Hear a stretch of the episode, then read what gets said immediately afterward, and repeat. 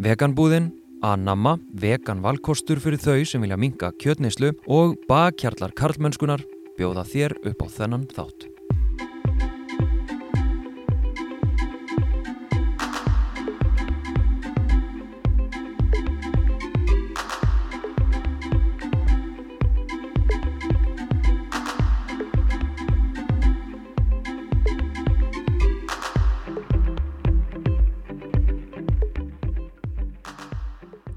Sæjun Ingibjörg Marinósdóttir er framkvæmda stjóri, eigandi og stopnandi veganmatar sem rekur veganbúðina og jömm. Hún er brautriðandi í veganism á Íslandi og reyndar á heimsvísu því veganbúðin í skeifunu er starsta veganbúð í heiminum. En Sæjun hefur aukþess komið að stopnun samtaka grænmetisæta á Íslandi, verið vegan í tíu ár eh, rúmlega og er viðskiptafræðingur með meistaragráðu í alþjóða viðskiptum og löggiltur verðbrefa miðlari. Sæjun hefur þó líst í að hún stundi andkapitalískan og feminískan rekstur og með það markmið að gera heiminn betri og meira vegan og kallar sig business aktivista. Velkomin Sæjun. Takk.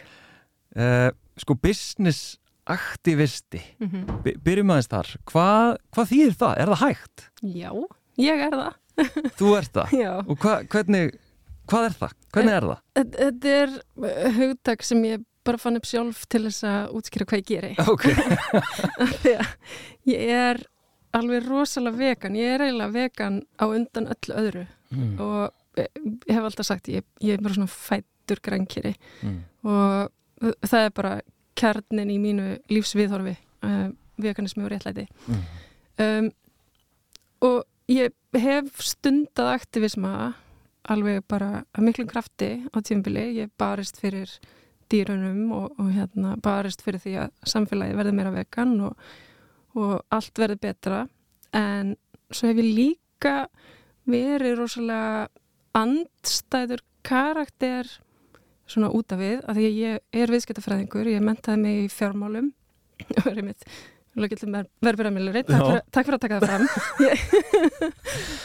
Þetta er stór fjöður í hattin ég hef aldrei unni við þetta, aldrei unni í banka. Nei. en hérna, alltaf vegna tók ég þetta samt. Og þannig að uh, að sömuleg, ég sko það er pína er auðvitað að útskýra það.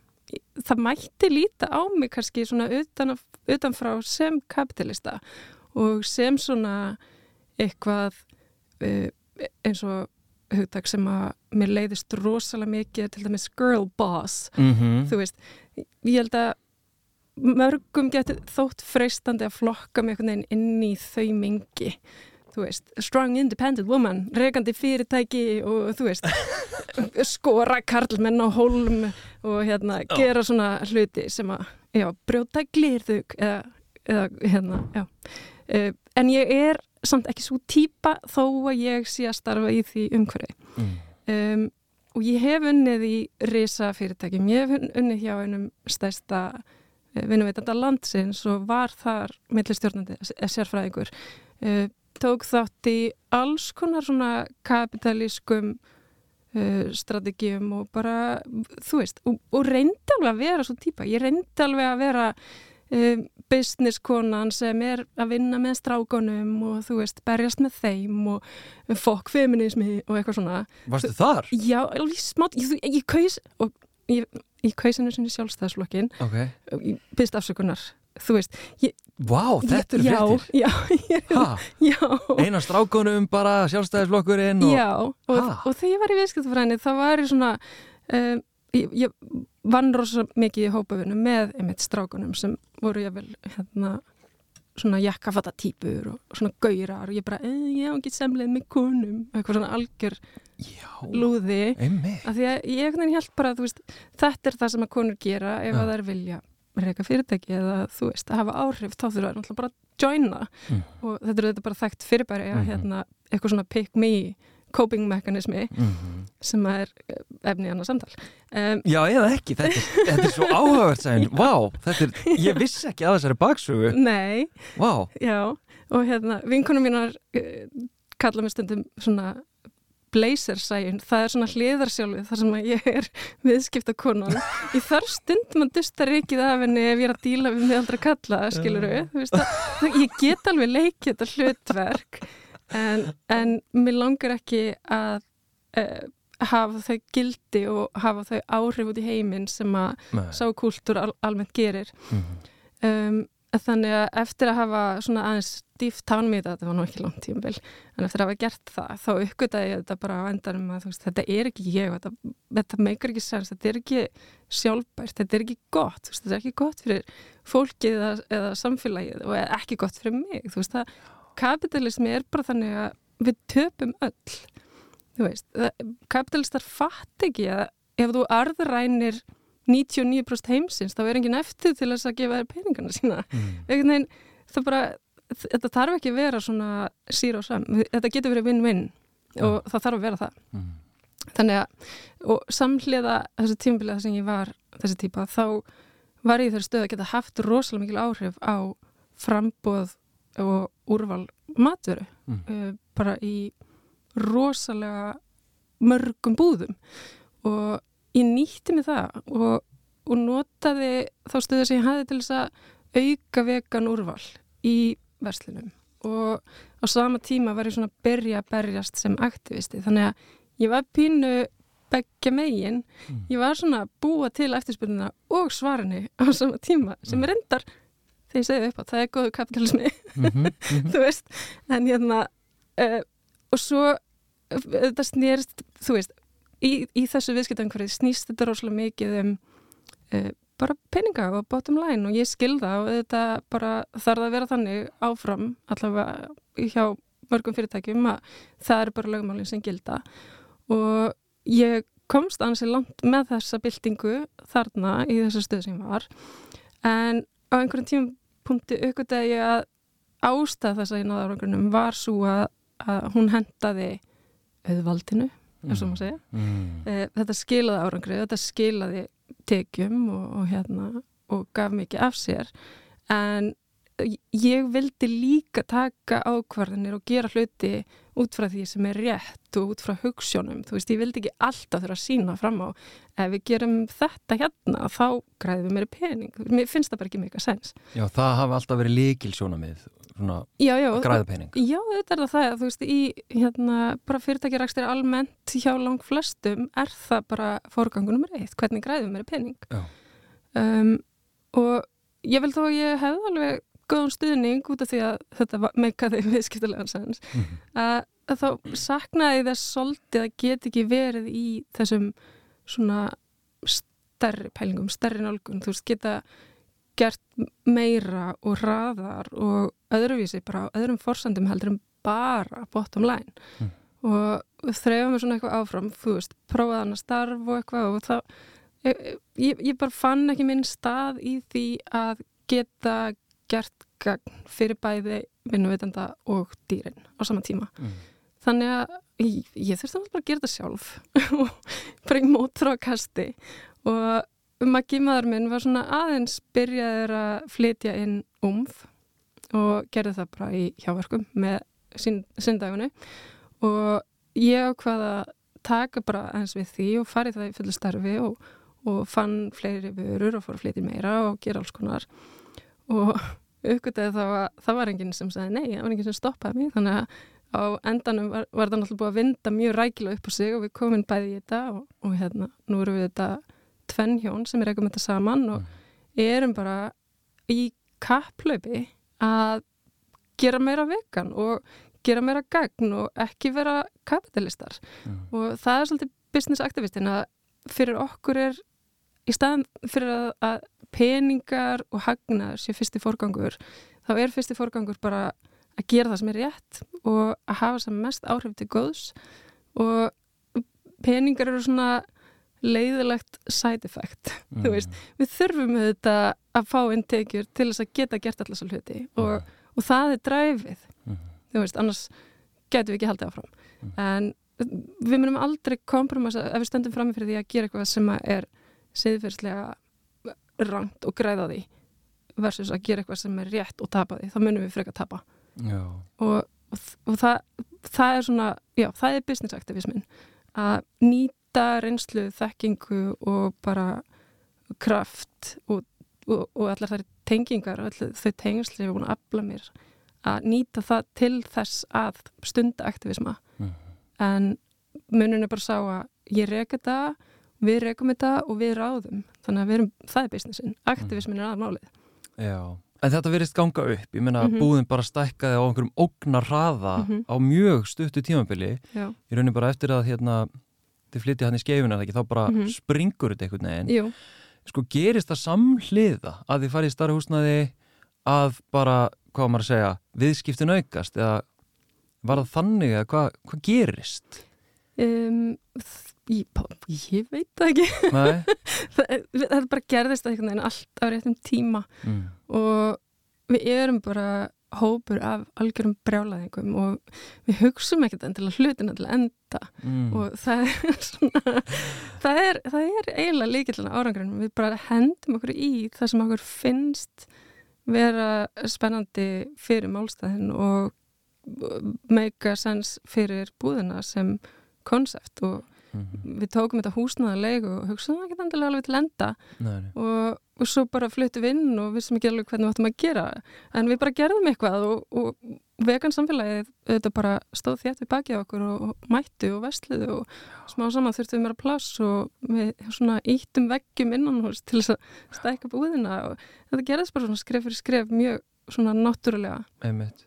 En sko, að því að náttúrulega einmitt, þú ert í rekstri Mhm. þa og það þarf að borga sig, ég meina, þú Mhm. veist, þú eru að fá laun, ég meina, þú eru að lifa mm -hmm. og, og þið, þið sem eru að rekið þetta, þið verða að lifa uh, en síðan er þetta, þetta er náttúrulega líka sérvöruverslun, Mhm. þó að það sé líka, ég man ekki hvað orðin notuð, venjulegar vörur, hérna í bland, uh, þú veist, þannig að, já, gaggrinni sem að þið hafi vandalega fengið dóldu oft er, þetta er svo dýrt, er það Mhm. ekki? Jú. Hvernig, hvernig bregstu við þeirri gaggrinni?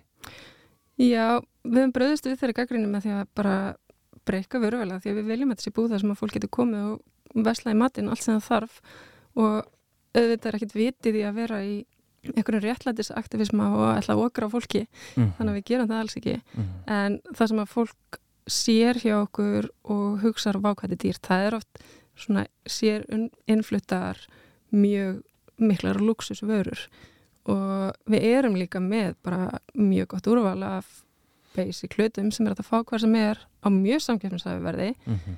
og við bara vorum ekki nú duglega að hafa það sýnilegt. Mm. þú veist, það okkur fannst einhvern veginn, það er allum samum hérna, linsupinur á 200 kall en fólk kemur einhvern til að leita 2 skrona luxusosti en síðan þetta bara erum við búin að læra reynslunni og hérna, fólk hefur verið duglega að gefa okkur feedback. Þannig að núna er miklu meira ábyrrandi þetta vennilega og ódýra þannig mm. og það er þetta auðveldar fólki líka bara að, að versla skynsanlega eða, eða finna það sem Já, Þannig, og það er svolítið áherslan líka framöndan að breyka vöruvalið í öllu þessu venjulega óspennandi dóti að því að þú veist, þetta, vegan matarkarfan þarf ekki að vera eitthvað gúrmei spennandi þetta má alveg bara vera ódýri hlutir sem eru bara óvart vegan og Já. við ætlum að bjóða upp það einmitt. En þá náttúrulega ég man, þú veist, eins og þegar ég byrja, sko, náttúrulega hulda kona mín er vegan langt á undan mér og hérna, og bara er einhvern veginn vegan svona í hjartanu lengi, áður hún verður alveg vegan. Uh, þá man ég síðan þegar ég er í rauninni orðin vegan, þá er ég svo mikið, og þá erum við að tala um mataræði núna, að, að sko, þá er ég svo mikið að leita að, að hérna, substitute, Mhm. uh, hvað heitir þetta? staðgenglar Já, staðgenglar og ég er alltaf að leita því og þeir eru náttúrulega mjög dýrir Já. bara almennt, þá eru þeir mjög dýrir mm -hmm. þannig að mögulega kannski held ég að, að svona þau sem hafa verið vegan í einhver tíma, einhver ár þau þekkit alveg, þau veit alveg hvað er dýrt og hvað er ekki dýrt og, Mhm. hérna, og, en það er kannski hitt fólkið Mm sem að, segja, sem að við viljum fá með -hmm. Sem að horfir og, og lætur þetta kannski einhvern veginn svona mm, hrinda sig frá eða eitthvað svoleiðis. Já. ímynda með það. Já, algjörlega og, og fólk kemur oft og er að kaupa svona fyrstu vegan mataköruna og, og langar að þetta bara fá eitthvað svona kunnulegt og fyllir köruna, kjötlíki og dýrum ástum og svona, það er þetta rándýrt. Og ég skil það en hérna, fólk gleymir því samt stundum að það er líka rosalega dýrt að kaupa uh, kúaost og, og veðva úr dýri. Já, og ég, ég stundum mjög sjaldan kíki á kíloverð á kjöti og osti og svona. Þetta er ekkert rosalega langt frá því. Nei. en fólk bara velur kannski meira á millið því að það er umhverju sem þekkir það. Fyrir, í, fyrir inn í krónuna og horfir á mismöndi tegundar af kjöti og það velur sér ódýrt kjöti en ekki dýrt. En Já, kemst til okkar og það auðvitað bara taka það fyrsta sem við sjá. Mhm. en það er kannski til miklu ódýrara kjötlíki en þau eru að horfa á þannig að það þarf svolítið að læra þetta bara upp á nýtt Já. og, og þekkja betur landslæð Mhm.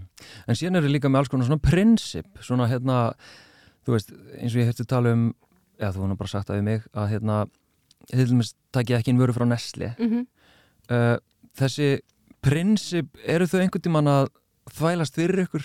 Já, mjög mikið ok, hvernig þá? Það er til dæmis hérna á tímabili var alveg rosalegur háfaði yfir vegan KitKat sem að eh, koma markað Erlendis. Já, og, og fólk gráðbað okkur um að flytja inn og selja. Við hefðum auðvitað geta gert það en við bara vildum það ekki af því að við viljum ekki að peningar úr okkar rekstri fari til þess að stiðja næstleif og allt, allt það sem það stendur fyrir. Mm. við erum ekki með helsan sjög heldur. Mm -hmm. Veist, það er framleitt á herrnefndum svæðum í Palestínu, bara tökum ekki þátt í þessu. Mm. og eins og ég segi, þú veist, það er eftirspurning eftir alls konar sem við neytum að sælja að því að réttleiti Mm -hmm. sama með til dæmis hérna, Just Egg. Já, það er svona fljótandi eggileggi sem að gera vist alveg rosalega góð omelettu ok, um, og ráefnin eru vegan en þau gerðu tilraunar á dýrum í þróunaferlinu já, og þetta er mjög, þetta er mjög heitt umræðafni sérstaklega hjá vegunum í bandaríkunum fólk er mjög ósammála um hvort að þú veist eigum við þá að segja þetta séu ekki vegan eða er þetta vegan? En það sem við til dæmis horfum á er að fyrirtækið hefur ekki vilja gefa út og þau ætla ekki aftur að gera dýratilunir ok, og á meðan að það er óljóst þá erum við svolítið skeptíska á þeirra uh, innræti. Við Já. viljum ekki fjármagna þeirra framtíðar tilunir á dýrum. Nei, og, og þú veist, auðvitað okkar innkaupir auðvitað bara dropi í hafið, þannig að þetta er bara prinsipmál Já, en menna, drópi hafi fyrir þau, en, en fyrir Mhm. ykkur þá kannski skipta alls konar svona miklu máli. -hmm. að hérna, einmitt að bjóða upp á vöru sem að laða að og Já, þú veist, já. En já, þannig að prinsipin, þau þvæla stundu fyrir, mm er þetta að segja það? Ég hef þvælast fyrir að því leiti að eins og til dæmis, ef ég væri að vinna hjá stóru fyrirtæki að reyka veganbúð fyrir kapitalista, þá þetta væri rosalega erfitt fyrir mig að segja þetta við hlutafa. Nei, ég ætla ekki að svara þessari eftirspyrna því að mér finnst það siðfyrslega rámt, þú veist Mhm. en hérna v- við kjósum að ekki fá tekjur af þessum vörum sem fólk langar mjög mikið að kaupa Mhm. af því að það stangast á við okkar prinsip Með mitt.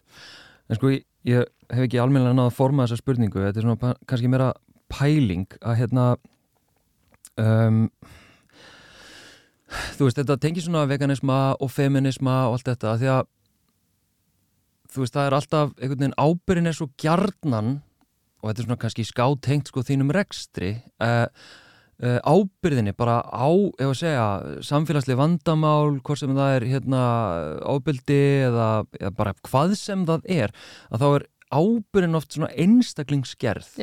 Veist, og, og þau sem taka til sín ábyrðina og skömmina, ef að segja það já, er náttúrulega, ef, að, ef við kynjum þetta eins, það Mhm. er yfirleitt konur.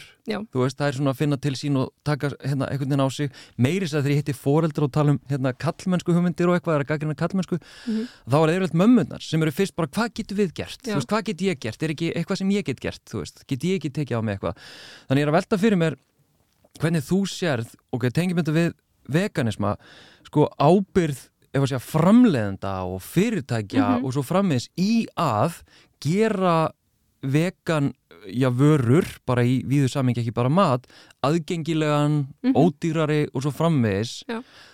hefur, hefur einhverja getur þú talað inn í þetta eitthvað?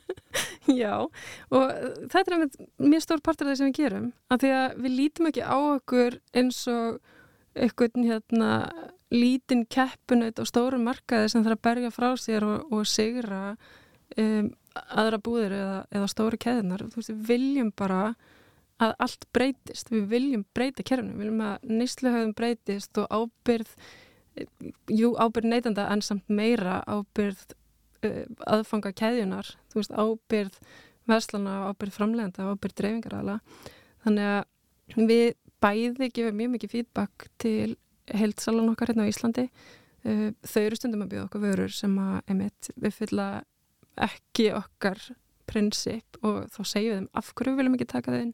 Mm. Uh, ég veit ekki hvort það skilur sér allavega tilbaka en okkur finnst mikilvægt að láta vita. Mm -hmm. Það er margur búið að bjóða okkur halsan sjög og, og slíkur vörur sem alltaf neyta, við viljum ekki selja vörur sem eru framleitar á herrnumdum svo eða í Palestínu þú veist, þetta bara heimurinn má ekki virka svona um, og á samanskapið þá erum við við erum líka heldsala mm -hmm.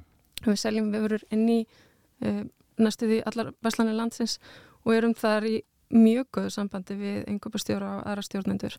Og við erum stöðut að hvetja þau til þess að gera meira vegan. Við erum að ráðleggja þau með að taka inn vörur sem að við hefum engan hagað við takin uh, við gefum feedback af vörur sem að aðrir heilsar flytja inn. Uh, og bara gerum allt sem við getum bara til þess að hvetja og sína fram á að vegan er framtíðin og það er það er hægt að græða vegan, veist og, stóru keðjurnar, þetta ger ekkert sem að þið tapa á mm. þannig að til dæmis bara með því að vera til með því að það sé stór vegan verslun sem að gengur vel og það er flæða fólki inn alla daga og það er mikil sala og, og mikil velta mm. það eitt og sér er rosalega svona veit ekki hvort ég ætti að segja pressa en það er kannski svona um, einhvers konar leadership, þú veist mm. að við erum bara að sína þeim þetta er hægt og þið gætu gert meira ef þið gerir meira þá mun það bera árangur af því að mhm. við erum að gera þetta hér þannig að veist, við erum með 6.000 vörumir þið eruð með, ég veit ekki allir vennileg búð vennileg svona stór búð, sér kannski með 200 númer svona sérvegan mm. þú veist hvað ef það væri þúsund? Það myndi virka. Mm. og við hefum líka tekið samtali um e, að því að það er mjög algengt að það er erfitt að fá veslanir til þess að auka úrval í fristifuru að því að það er svo takmarka plást þú þarf að bæta við einnig veru þá þarf að taka þér út. Og það hefur verið mjög víða svona útlutað þú veist, við ætlum að vera með 20% vegan í fristifurunni og við erum að pressa, ok, henni hérna við erum með hérna við erum búin að fylla 20% ykkar en við erum með fleiri frábæra vörur eða aðrir heilsalar erum með fleiri frábæra vörur sem er erinda markaðin þú þarft ekki að taka út aðra veganvöru þú getur bara minga kjöti þú getur stækka hlut allir það vegan mm. og, og þannig að þú veist við erum að taka þennan hluta ábyrðinni að, og, og svolítið að tala fyrir stóran hóp, við erum að tala fyrir hönd allara þeirra viðskiptavina sem heimsækja okkur og þeirra sem tala við okkur og, mm. og við erum að nýta okkar vinatu við þessa stjórnendur til þess að vísa þeim veginin í framtíðina mm þú veist, það er, bara, það er rosalega mikilvægt að þetta sé gert mm. og vonandi eitthvað tíman getur við líka tekið samtali um annað en bara sölutölur og, og hvað þú ættir að vera með hallut allar vegan, veist, ég vona við getum uh, sínt fram á að til dæmis það er enginn þörfu að vera með helsansjök á meðan að það er uh, framleitt í, í hérna, mannréttinda brotum mm -hmm. um, það þarf ekki að selja alls konar hluti sem að kosta fólk of mikið eða dýr mm -hmm. eða jörðina við getum gert sangjarnan business mm -hmm. og samt verið til og náðu allir þeim markmiðu sem við viljum Einmitt. og hérna akkur þannig að það er all einhvern veginn mitt aðfangakæðan og allt í ferlun er, er hugsað þannig að það má segja að þetta séu sjónamiðin inn í veganismannum eru algjörlega samofin einhvern veginn svona feminískum áslum mm -hmm. og, mhm. og svona mannendinda hérna, sjónamiðum mm -hmm. þannig að hérna, ég held að fólk kannski svona almennt sé ekkert að horfa það Nei. þá horfum við bara á þetta auka veganlið og líka talandu um það, hvenar breytist það að að hérna við þorfið fari úr því að líta á já, ég var að segja okkur sem að eigum börn og, og hérna, fæðum þau til dæmis með veganvörum mm -hmm. hvernig breytist það að við hættum að vera öfgafull mm -hmm. að mhm. þvinga þennan mat upp á börnin okkar og það verði akkurat öfugt af því að það er náttúrulega það er tölverkt öfgafillra mm -hmm. að vera í hérna, því sem að kallast í rauninu normið Já. sem er að þvinga börnun okkar til þess að neyta dýra og afurða þeirra Já. hvernig sérðu þetta fyrir þér í framtíðinni? Ég bara vona heitt og innilega að þetta breytist af því að eins og einhver, ég man ekki hvað það var sem tók dæmi, ef þú lætur tveggjara bann hafa kaninu og epli, hvort heldur það borði? Mm. Það, það er okkur ekki eðlislægt að vilja drepa dýr eða meiða dýr og það er bara hægt að horfa á hvaða líti bann sem er tala um hvaða bann sem er. Ekkert er að vill borða dýr ef þú leggur það þannig upp. Þú veist, þetta er uh, hegðun sem að við erum búin að eða formæður okkar hafa einhvern veginn kannski neðst til þess að tilenga sér. Og af því að þetta er svo langt frá okkar svona uh, meðfættu gildum þá þarf bara mjög miklu afnættun og mjög kerfisbundna afnættun og það þarf innrætingu frá mjög ungum aldri til þess að fólk verði svolítið dofið fyrir því hvað þetta í alverðinni er og hvað, hvað þetta þýðir. Mm -hmm. Ég held að það sé mjög fátt fólk sem að myndi vilja slátra dýri og skera það í búta og borða og svo allt saman sjálft. Fólk er til í að kaupa þetta í umbúðum þar sem þetta lítur ekki lengur út eins og það sem er. Mm.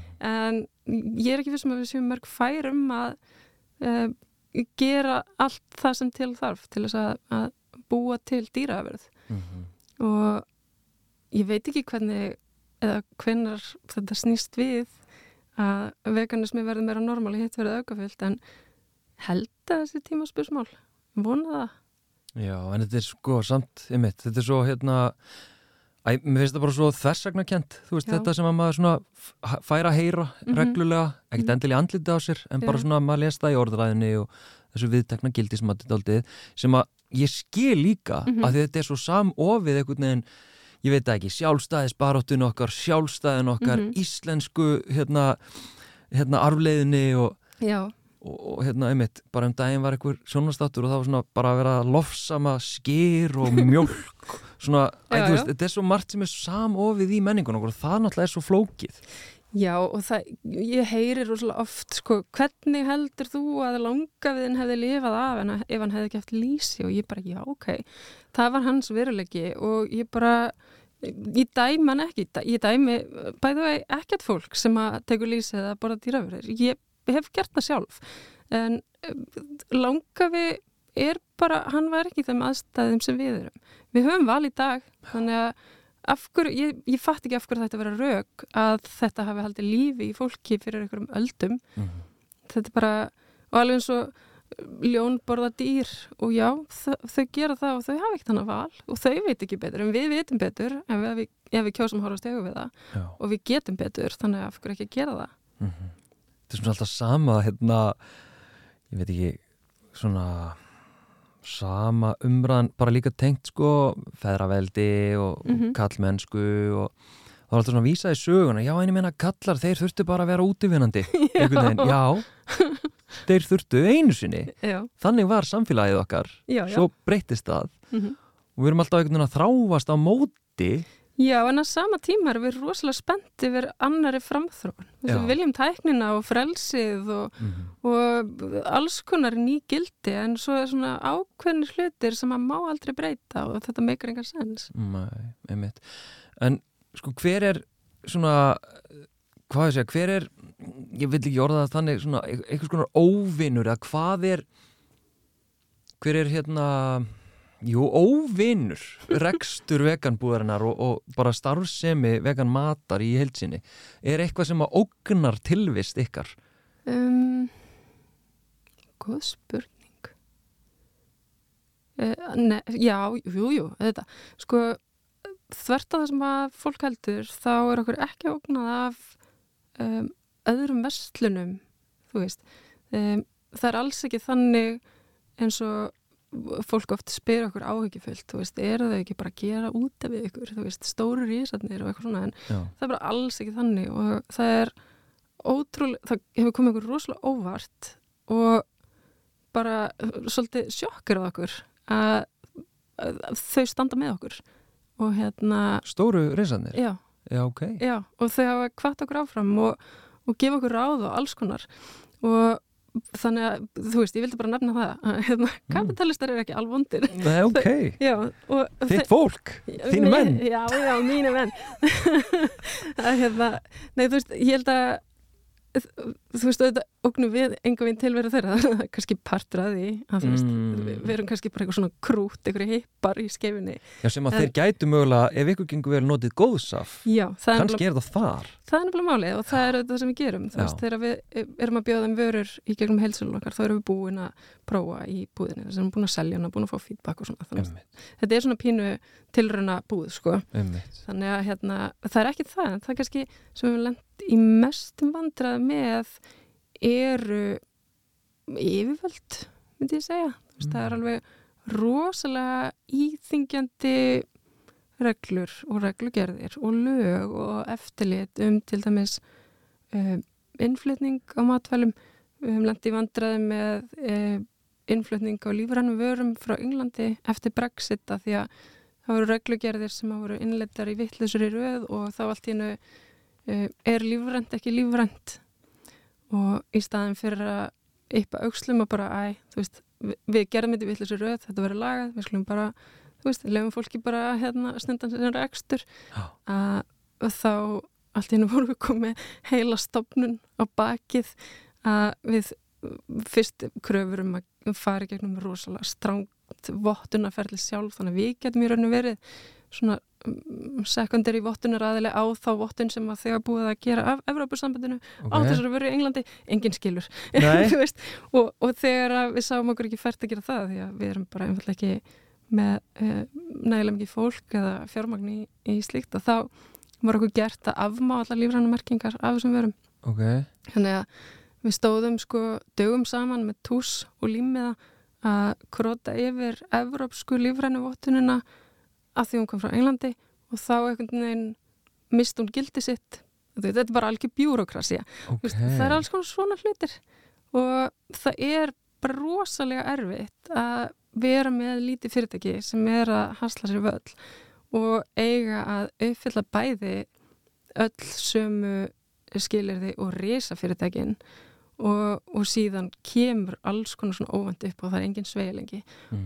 og mér hefur alltaf fundið svolítið skrítið, sérstaklega í þessum bransa í hérna, svona maturubúðar ekstri að það hefur verið rosalega mikið talað um það í gegnum tíðina að það sé fákeppni og þetta er alltaf fáumhöndum og það eru hérna, því það sé verðsamráð sem að ég bæði að hef engar vísbendingur um að sé rétt. Ég held að það, er mjög mikið samkeppni á þessum markaði. Og síðan komum við inn og, og margir aðrir aðlar hafa reynd að komast inn á markað og taka þátt og vera alvöru samkjöfnisaðali við stóri en það bara á enginn séns af því að það er bara svo dýrt. Og við höfum til dæmis þurfti að vera með gæðastjóra sem að er uh, þú veist það er eitt gæðastjóri hjá okkur í litlu fyrirtæki og það er líka kannski eitt gæðastjóri í fyrirtæki sem er þúsund sinnum stærra. Já, Þannig allt svona e, overhead verður hlutfallega miklu miklu dýrara. Og sama tíma fáum við ekki sama innköpsverð frá heldsölum þannig að þetta er alveg svona e- þetta er svolítið svona, hvað ég segja, apple barrel Hvern, já, já, e- e- þetta er, þetta er ganga upp e, hól. Já. það þarf mikið að vera ganga upp hóla. Já, en sko, einmitt, þannig að það er kannski það sem að einhver stafar helst ógna, það er einhvers konar bjúrokrasja og, Mhm. og, og reglugerðir og já, það fer rosalega mikil tími og kostnæri að uppfylla alls konar skilirðir sem að meika bara ekkert endilega rosalega mikinn sens Nei. og það væri til dæmis nú til dæmis verið að tala rosalega mikið um verðhækkunir í maturubúðum mm og verið að pressa á búðir og hérna að halda verði niðri og hætta okra -hmm. enginn þeirra er að okra þú veist Mm. ef, að, ef, ef við skoðum bara hérna dölur frá sem keðjum þá er alveg hlutfarslega rosalega lítill hagnaður með að við flesta aðra bransa og en á sama tíma er enginn að setja út að að það er enginn takmörk fyrir því hvað markasræðandi heildsalar með að hafa mikið mun á einhversverði mismunandi veslana til dæmis uh, Ölgerðin hefur selt okkur gós og það verð sem við borgum þeim er tölvert mikið herra heldur en að við kaupum það bara beint út af bónus eins og hverjana neytandi. Veist, og það má. Og síðan eru aðrir heilsalar sem eru með þetta svona meira réttlátt og það er minni munur. Við þetta förum ekki fram á að fá sama verð en mm. þú veist að það sé einhver raunhæf raunhæf leið til þess að við getum staðist samkefni og þannig að já, það, það er ímislegt svona. Þannig að ég segi svarar spurningunni hvað ognar okkur? Það er hérna, já, bjórokrasja um, rosalega strangar kröfur óréttlátar kröfur og rosalega mikið misræmi í svona samkjöfnisaðstöðu mm. og þráttur að það sé verið að mikið að pressa á hana bransa og reyna að auka samkjöfni þá er verið að gera það svolítið á villum stöðum mm. Minna, en veist, þetta dæmi sem við tekum með ölgerina sko, mm -hmm. eru stjórn og getur þau eitthvað skipt sér að svona ef við viðskipta háttum Við höfum leitað til samkjöfniseftilitsins með ah. þetta og þau hafa ekkert vilja að gera í þessu um, en já eins og ég segi þú veist það er verið að tala um til dæmis með laun núna, það er verið að tala um að það með ekki vera meira en ég veit ekki fjórfald fjórfaldur munur á hæstólagstu launum innan fyrirtækis það er verið að tala um alls konar svona lausnir í því. Já, já. og mér finnst alveg meika sens að e, til dæmis svona milliliðir í vöruflutnings og vörusölu keðjum ættu að líka vera kannski með eitthvað hámarka og hvað maður muna miklu á lagsta á hæstaverði sem dæmi ég, ég ætla svo sem ekki að leysa þetta vandum hérna, en, en, en þetta er rosalega skrítið umhverfi að starfa í En mér meina, þið samt nötuð áhernar var það ekki þegar, þegar þú vaktir aðtökla á þessu minnum á Twitter eða eitthvað mm -hmm. var það ekki einhver þingmaður sem að brástuð og, og kom einhver í kring eða? Jú, þetta með lífranna versinni frá Englandi já. Jú, Andri Singi, hann setti sér strax í samband við okkur mm. og, og fleiri mm. uh, og það var öll að vilja gerð og meira segja í ráðunitinu mikill vilji til þess að leysa þetta okay. en það hefur bara ekki ennþá gengið eftir Nei, það er ekki búið að leysa þetta? Nei. Ok, mm. en áhugavert. Já. En hérna, framtíðasín, 20 ár, hvað, hvers konar samtal væri við að eiga þá um, um hérna, reksturinn og, og businessin og veganismann? Já, um, það væri gaman að rifja upp þetta 20 ár, hvernig þetta byrjaði mm -hmm. og, og hvað allar maturuböður í Íslandi eru orðnar rosalega vegan og bara með svona, þú veist, eins og núna er 20% fristunum vegan og það voru kannski 5% af fristunum kjött, ég veit það ekki mhm. en við erum ekkert að grínast með þetta, við viljum gjör bylta og já, við ætlum að gera það Gjör bylta bara markaðanum og Já, og neysli hegðun fólks og ég er ekki að tala um að gjör bylta því með eh, einhverju shaming eða, eða með látum, heldur bara við viljum sjá til þess að það sé skemmtilegra og auðveldra og ljúfengara að vera vegan heldur en að vera það ekki mm -hmm. Ég veit, ég, eitt sem ég skil ekki er hérna sko hlutin eins og hérna bakkelsi mm -hmm. Af því að, veist, ég fór til Akurur um daginn, mm -hmm. þetta er svona smá skás, skássaga hérna, að hérna þá er bara, ég held að það eru 2-3 bakari með bara eitthvað mind-blowing úrval mhm. af vegan bakkelsi ekki með einhverjum svona krækiberjum eða svona, einhverjum svona berjarugli mm -hmm. var bara svona old school vínarbrauð og eitthvað gúrmeistöf mm -hmm. en í Reykjavík það er bara svona af og til Já. eitthvað smá bakkelsi, náttúrulega fyrir utan vegabúðuna, það er alltaf eitthvað mm -hmm. gott bakkelsi þar, meðal annars frá hérastöpjum einmitt, maður þarf að fara til Grindavíkur til þess að fá eitthvað alvöru bakkelsi hvers vegna sæjun eru bakarinn og þess að stóru, stóru mhm. bakari hér í Reykjavík, af hverju eru þau ekki bara með þetta basic bakkelsi sem mann langar í svaraði því? Já um, þetta hljómar eins og ég sé að smjæðara ég segi svarið er svolítið eitruð karlmeska Ok, haldt áfram. Það, það áreindar ekkert bara við um þetta heldur bara svona við þarf til vegan almennt. Að eitthvað tíman sagði einhver bakari að hann hefði mert snúðana sína vegana þeir voruð allan tíman þá hætti þeir að seljast. Og þetta minnum við svolítið á eins og þau vorum að byrja með samtök grænkjara og eitt fyrsta barátumálið okkar var að stoppa auglýsingu frá goða. Þau voru að auglýsa pulsur og ég man ekki nákvæmlega hvernig það var, þetta var sjónsælising og það var kall að grilla og hann var að grilla kjöt og svo kom ykkur og baði hann um að grilla sojapulsu og hann, hann hendi inn í ruslið. Já, og þú veist, þetta svona endurspeglar mjög mikið hvernig eitruð karlmerska og svona um, kjötætu kúltúrin um, einhvern veginn uh, svona að pósa já, eru er svona akkurat á móti algjör andstaða við veganismann mm. og það er líka eina stóra ástæðanum fyrir því að það er svona mikil háfaði á móti vegan þannig að, og þetta er eitthvað sem er þetta bara búið að innræta okkur örglega, þú veist, ekki bara kallmennum heldur bara fólki almennt okkur Mhm. finnst rosalega um, svona kettlingalegt að vera vegan og finnst það mörgum finnst það auðmikilegt. Og það er leim uh, fyrir mörgum. Og það er ógeðslega töff að borða kjöt og það er rosalega töff og það er kallalegt að drepa dýr og borða það. Um, og þetta bara skila sér í frambóði út um allt. Mm. og já, eitthvað kallmennska er bara einn af stærsta ofinum veganismans. Ok, fyndið að, hérna, að ég hafi ekki gert sjálfur þessa tengingu og einhvern veginn farið inn í þetta sjálfur. Já, hvað er að frétta? Það er kannski að því eins og vorum að tala um uppæðu maður fer alltaf að tala um sömu klísjutnar oft einhvern veginn og fer inn á sömu sviðun og eitthvað. Já, kannski var algjörlega ómeð þetta hjá mér að fara ekki inn í þetta að einmitt, þetta er nefnilega svo áhugavert að hvernig einmitt, kallmennska er náttúrulega bara menningabundi fyrirbæri. Mhm. þetta er bara eitthvað félagslegt fyrirbæri bundi við þóru hegðun og gildismat Mhm. sem einhvern veginn síðan sprettur upp í svona ótrúlega grilluðum dæmum. Já, eins og bara hvernig kallmennskan er mitt verist blunda í kjöti. Já, og hún gerir þannig bara og hérna og þú veist, ég er náttúrulega heyrt á örgulega maðurinn og vinnur hans og allt Mhm. fólk í kringa að þeir séu soyboys Já, hann er með tattoo sem stendur soyboy Já, ég líka.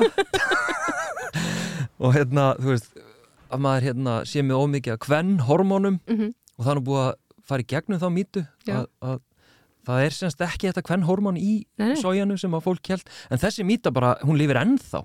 Já. Veist, það er alls konar svona mýtur sem að tengja síðan kallmennsku, þetta er bara svo, þetta er ótrúlegt þetta Já. er svo grillað og djúbstætt og flókið og, og, og samofið mhm, við þar að segja þessi ég var að segja kjötmenning og, og dýraðinnar og, og veiðimennska. Samofið einmitt við karlmennsku, við misrétti, við kvennfyrirlitningu, klámvæðingu Mhm. þú veist, hlutgerfingu uh, misrétti, bara þetta er allt já þetta, samofið. þetta er allt sami hluturinn Já. og það er svo skrítið og ég, ég var fyrst vegan og er vegan, þú veist úber alles, eins og ég segi en að því ég er vegan þá er ég líka feministi Mm. og ég er líka réttlætisinni og ég er líka friðasinni af því að annað er bara fyrir mér ekki hægt þetta er bara sami hlutur sem byrtist kannski með örlitið ólíkum hætti eftir í, þú veist, hvaða málefni þú tala um en sömu valdakerfin og, og sami hrókin og yfirgangurinn mm. sami egoismin og þetta bara þetta er allt eins. Og einmitt þeirna eins og að þú segir um maka manni minn að, að hann hafi heyrt þetta að það er svolítið skrítið að fólk til dæmis trúur eftir ekki að hann sé vegan. Mm. og hann hefur alveg stundum ég mann sérstaklega eftir einu sem við fórum og fengum okkur hátegi sem að reynda svolítið síðan nokkur á síðan. Og ég baði um vegan salat sem var reyndar stórmála því það var ostur í öllu. Ah, já. Og svo var hann spurður hvað hann vildi. Hann sagði ég ætla líka að fór svona salat. Og hann sagði já en samt með kjöklingabringunni, en það ekki? Hann var, nei, ég vil bara fá vegan. Og nei, þú ert ekki vegan. Það nokkuð? og svona svör fær hann. Mm. og, og hérna og fólk einhvern veginn bara þeim finnst það ég vel bara astnalegt að kalla minn séu vegan. Já, já. ég veit ekki hvort þú verður upplegað Ég hef lítið verið í þeim aðstæðum en Já. það er alveg, þú veist, stundum er ég ekkit einhvern veginn að, æ, þú veist, ég fer út á land og eitthvað svona, það er eitthvað, já, svo er matur í hátteginu og eitthvað svona, ég er svona, nei, nei, ég, þú veist, ég nenn ekki Nei. að segja eða fara inn í það stundum Mm -hmm. að ég sé vegan, Mm þú veist, ég nenn ekki stundum þeim aðstæðum skiljanlega að hérna, já, þetta er svo eitthvað, trublandi Mm. ég, ég er með svo trublandi tilvist að öllu leiti einhvern veginn uh, En sko, ok, með blazer sæjunni, mér Já. finnst það svo áhört, áhört típa. Já. Hérna, þar tengtum hann að beita blazer sæjunni sko í, í dag, í reksturinnum. Já, Hva, í hvaða staðum? Uh, þegar ég mæti kapitalistum sem ég þetta gerir mjög oft um, við eigum viðskipt við kapitalista Mm. og uh, alls konar og alls konar svona spaða sem að vilja okkur eitthvað Já, já. og það, bara, það þýðir ekkert fyrir mig að mæta í, hérna, í kærleikskýrnum sem einhver hippi það bara, stundum fer ég bara heim næ blazerinn og mæta aftur Já, og hérna stend eins og, og hérna Wall Street litla stelpan fyrir framan einhvern kall sem allra vaði yfir okkur já, já. og það þýr ekkert annað en það er enda leðilt að segja það en mjög oft þá bara tekur maggjaði sér svona hluti líka því að það er meira hlustað á. Er það þín reynsla? Já, og það, það er bara marg testað að þegar að og, og það er reyndar já, kannski ekki skrítið. Hvort sem það eru konur eða kallar en bara margt fólk þarna úti tekur meira marka kallum og ég hef oft og, og samstarfskonum mínar, við höfum oft reynda að ná einhverju í gegn, þú veist, einhverju þjónustu eða, eða svörum eða hverju sem er. Og það, okkur sagt, nei þetta er ekki hægt eða fáum ég vel ekki svar. Svo tekum Maggi upp síman og hann fær allt sem að byður um. Og það meiri segja að því að meðeigjandur okkar eru hérna hjón sem eru svona svolítið yngre en við og hann er sænskur Mm. og talar íslensku en þú veist náttúrulega með reym Mm. og tjáir sem ég oft bara ennsku og það er sama upp á tegnum með hann Mm. að hann lendur svolítið í því eins og við að, að hérna, vera ekki virtur viðlit að fá ekki sjálfsæða þjónustu Mhm. og, og þá stundum tegum maður ekki upp síman og auðvitað þú veist, ég vildi mjög gætnan bara frekar að við bara stæðum fastar í fætuna og krefðist þess að fá þjónustu en það er oft bara fljóðlega að maður ekki sjá um þetta. Og þannig að hann hefur svolítið verið í því. Þannig En ógeðslega áhugavert sko. mm En hérna, og þegar það er líka bara svo þreytandi að, að, hérna, að þurfa alltaf að taka þennan slag já, sem að er síðan kannski ekki hægt að vinna því að, þú veist, ég og Hulda, kona mín, sko, erum stundum að vinna saman og við ætlum reyndar að tala um það hérna einhvern tímann, taka bara sér þátt akkurat um þetta fyrirbæri, já, að því að þegar hún fær beðni um fyrirlestur, mm þá er yfirlega hérna, hún spurðum verð, hún gefur upp verð og það er eiginlega regla að það er enda að prúta við hana. já, Ég gef upp verð og það er ok, já, eiginlega alltaf. Er er- og, og með þess að þegar hérna, það er eitt dæmi sko, vorum hérna beðin semst saman um erindi um, um hérna, þriðuvaktina sem við erum að gera saman og hún fekk beðnina og hún svona er í samskiptum og ok, Mhm. og þetta er að gerast og, og hérna og svo e, best talið einhvern veginn að greiðslum og, og það var eitthvað svona doldi vesen og eitthvað svona nei, þetta er nú all- allt og hátt og það var svona, þau voru einhvern veginn aðeins að beila og þannig að ég svona skrifa póstinn mm og við sendum ennþá úr hennar meili -hmm. nema ég set mig líka undir og þá er þetta samþýtt samstundis já, og sko í alveg þriðja dæmi að við erum að tala um þetta já, er að hún fær beðni frá einu fyrirtæki hún setur upp verðið uh, er hérna sagt sem þetta heitur of eitthvað hátt við bara frestum þessu og gerum Mhm. þetta senna þremur mánuðum setna er ég beðin um erindi uh, sem sagt samskonar erindi Mhm. nema sem sagt við erum beðin um að koma bæði og verðið það náttúrulega tvöfald herra Já. og það er ekkert mál og ég er í samskiptum veist bara alla, þú veist þetta er svo mikið að þetta getur ekki verið tilviljun Þetta er ekki tilviljun og þú veist, ég er búin að vera svo reyður og svo, svo lengi að ég Já. komin í ring og ég sit bara hérna, þú veist, hálf dösuð sko.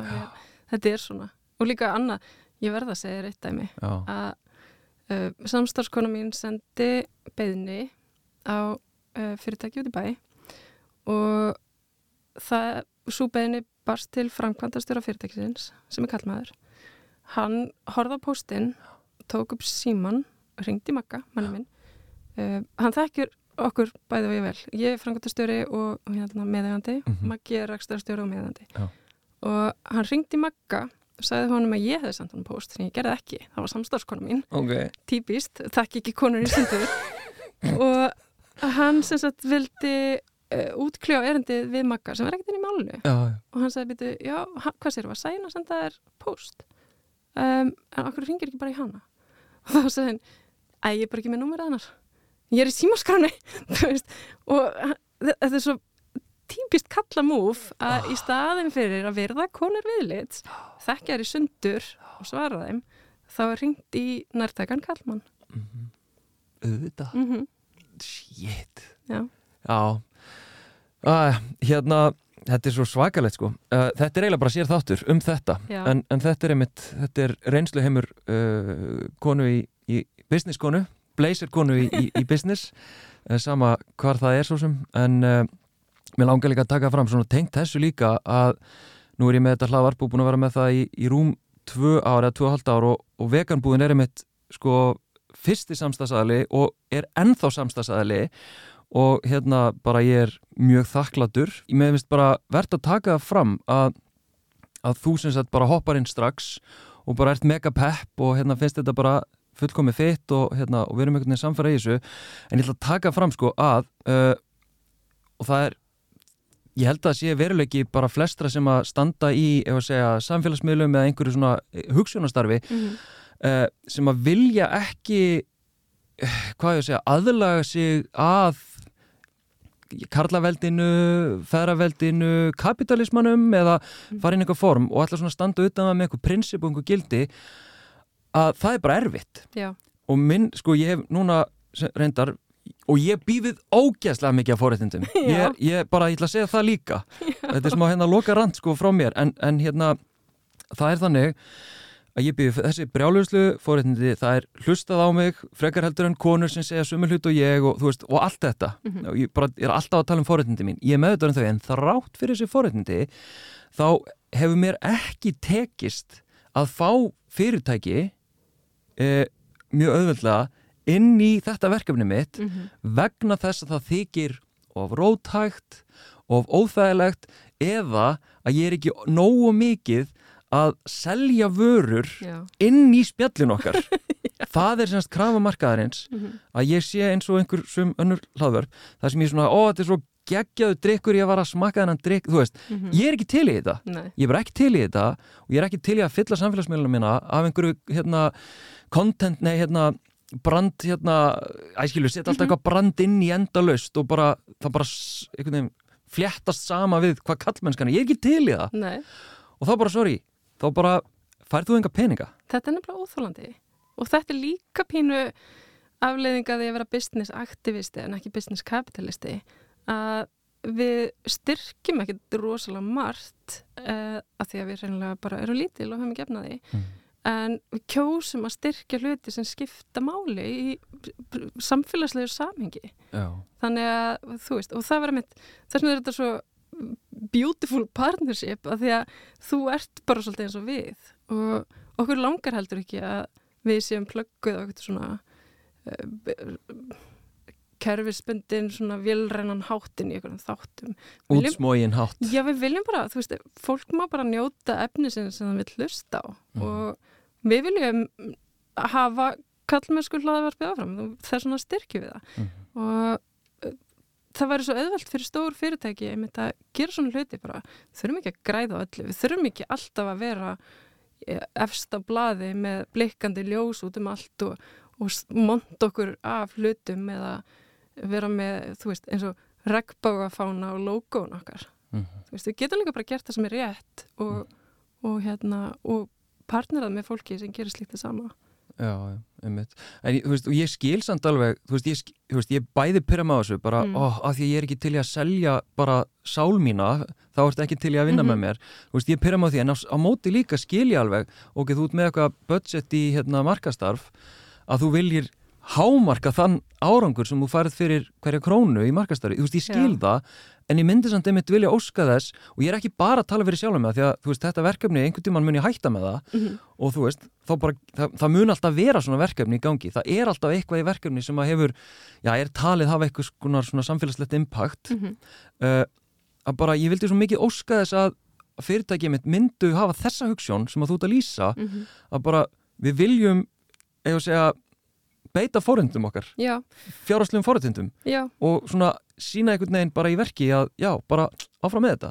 Þannig hittur samt svolítið naglan á höfuðið með því að, að tala um markasmála því að það að breyta rétt og styðja fólk og félög og samfélög uh, í að gera rétt það er ekki marketing.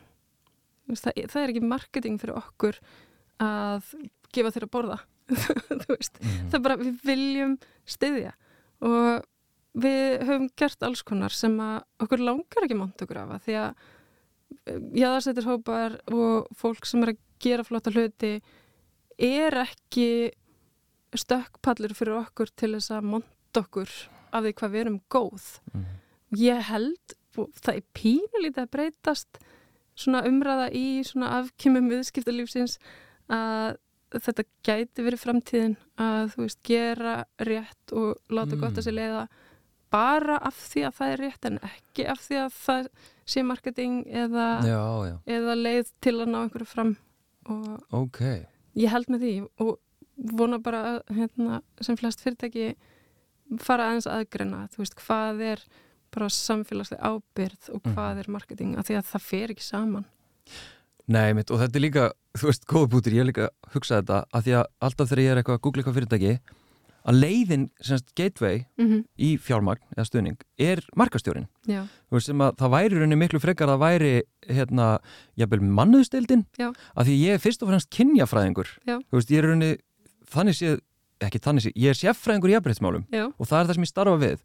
En eins og ég til dæmis málar alltaf upp í fjölmiðlum, mm þá er ég áhrifavaldur já. og settur í flokk með fólki sem er einmitt að selja vörur og, hérna, og sína einhvern lífstíl, mm bara svona glamúr lífstíl -hmm. ég settur í þann flokk en ekki með, ég veit það ekki já, ég veit ekki eins og hvaða flokk ég ætti að vera settur í en ég er fyrst og fremst kynjafræðingur sem að nýti þessa miðla til þess að koma áfram einhverjum bóðskap til þess að reyna að já, það er það sem ég reyna að gera. Já, þú ert að vinna með fyrir aktivisti. Já, Já.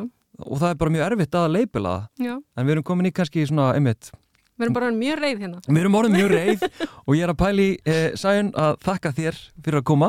Takk fyrir stuðningin og ég hvet að sjálfsögðu fólk sem að hefur ekki heimsótt ykkur í skefinni, Mhm. hvað er það, Fákafen, Faxafen, ég mann þetta aldrei. Faxafinn 14 Faxafen 14, það sem að gamla bónus var mm -hmm. hvet ég í alvörinu og einlægni fólk til þess að heimsækja veganbúðuna og, hérna, og pröfa alls Mhm. konar veganvörur. Uh, það er náttúrulega allt veganar Mm fólk sem er að fá einhverja gesti í heimsókn það er tilvalið að mæti í veganbúðuna og svo líka hægt að fá ráðgjöf hjá ykkur. Þið eru ofta, -hmm. ok, Maggi Já. er alltaf að selja mann eitthvað. Pranga upp á manni hluti sumur eru algjörlega geggjaðir. Já, flestir Já. sem hann, flest sem að mæli með er, geggjað þannig ég hveti ykkur til þess að kíkja í, í veganbúðina en Sæjun Ingibjörg Marinusdóttir, takk hjá fyrir spjallið. Takk sem leiðis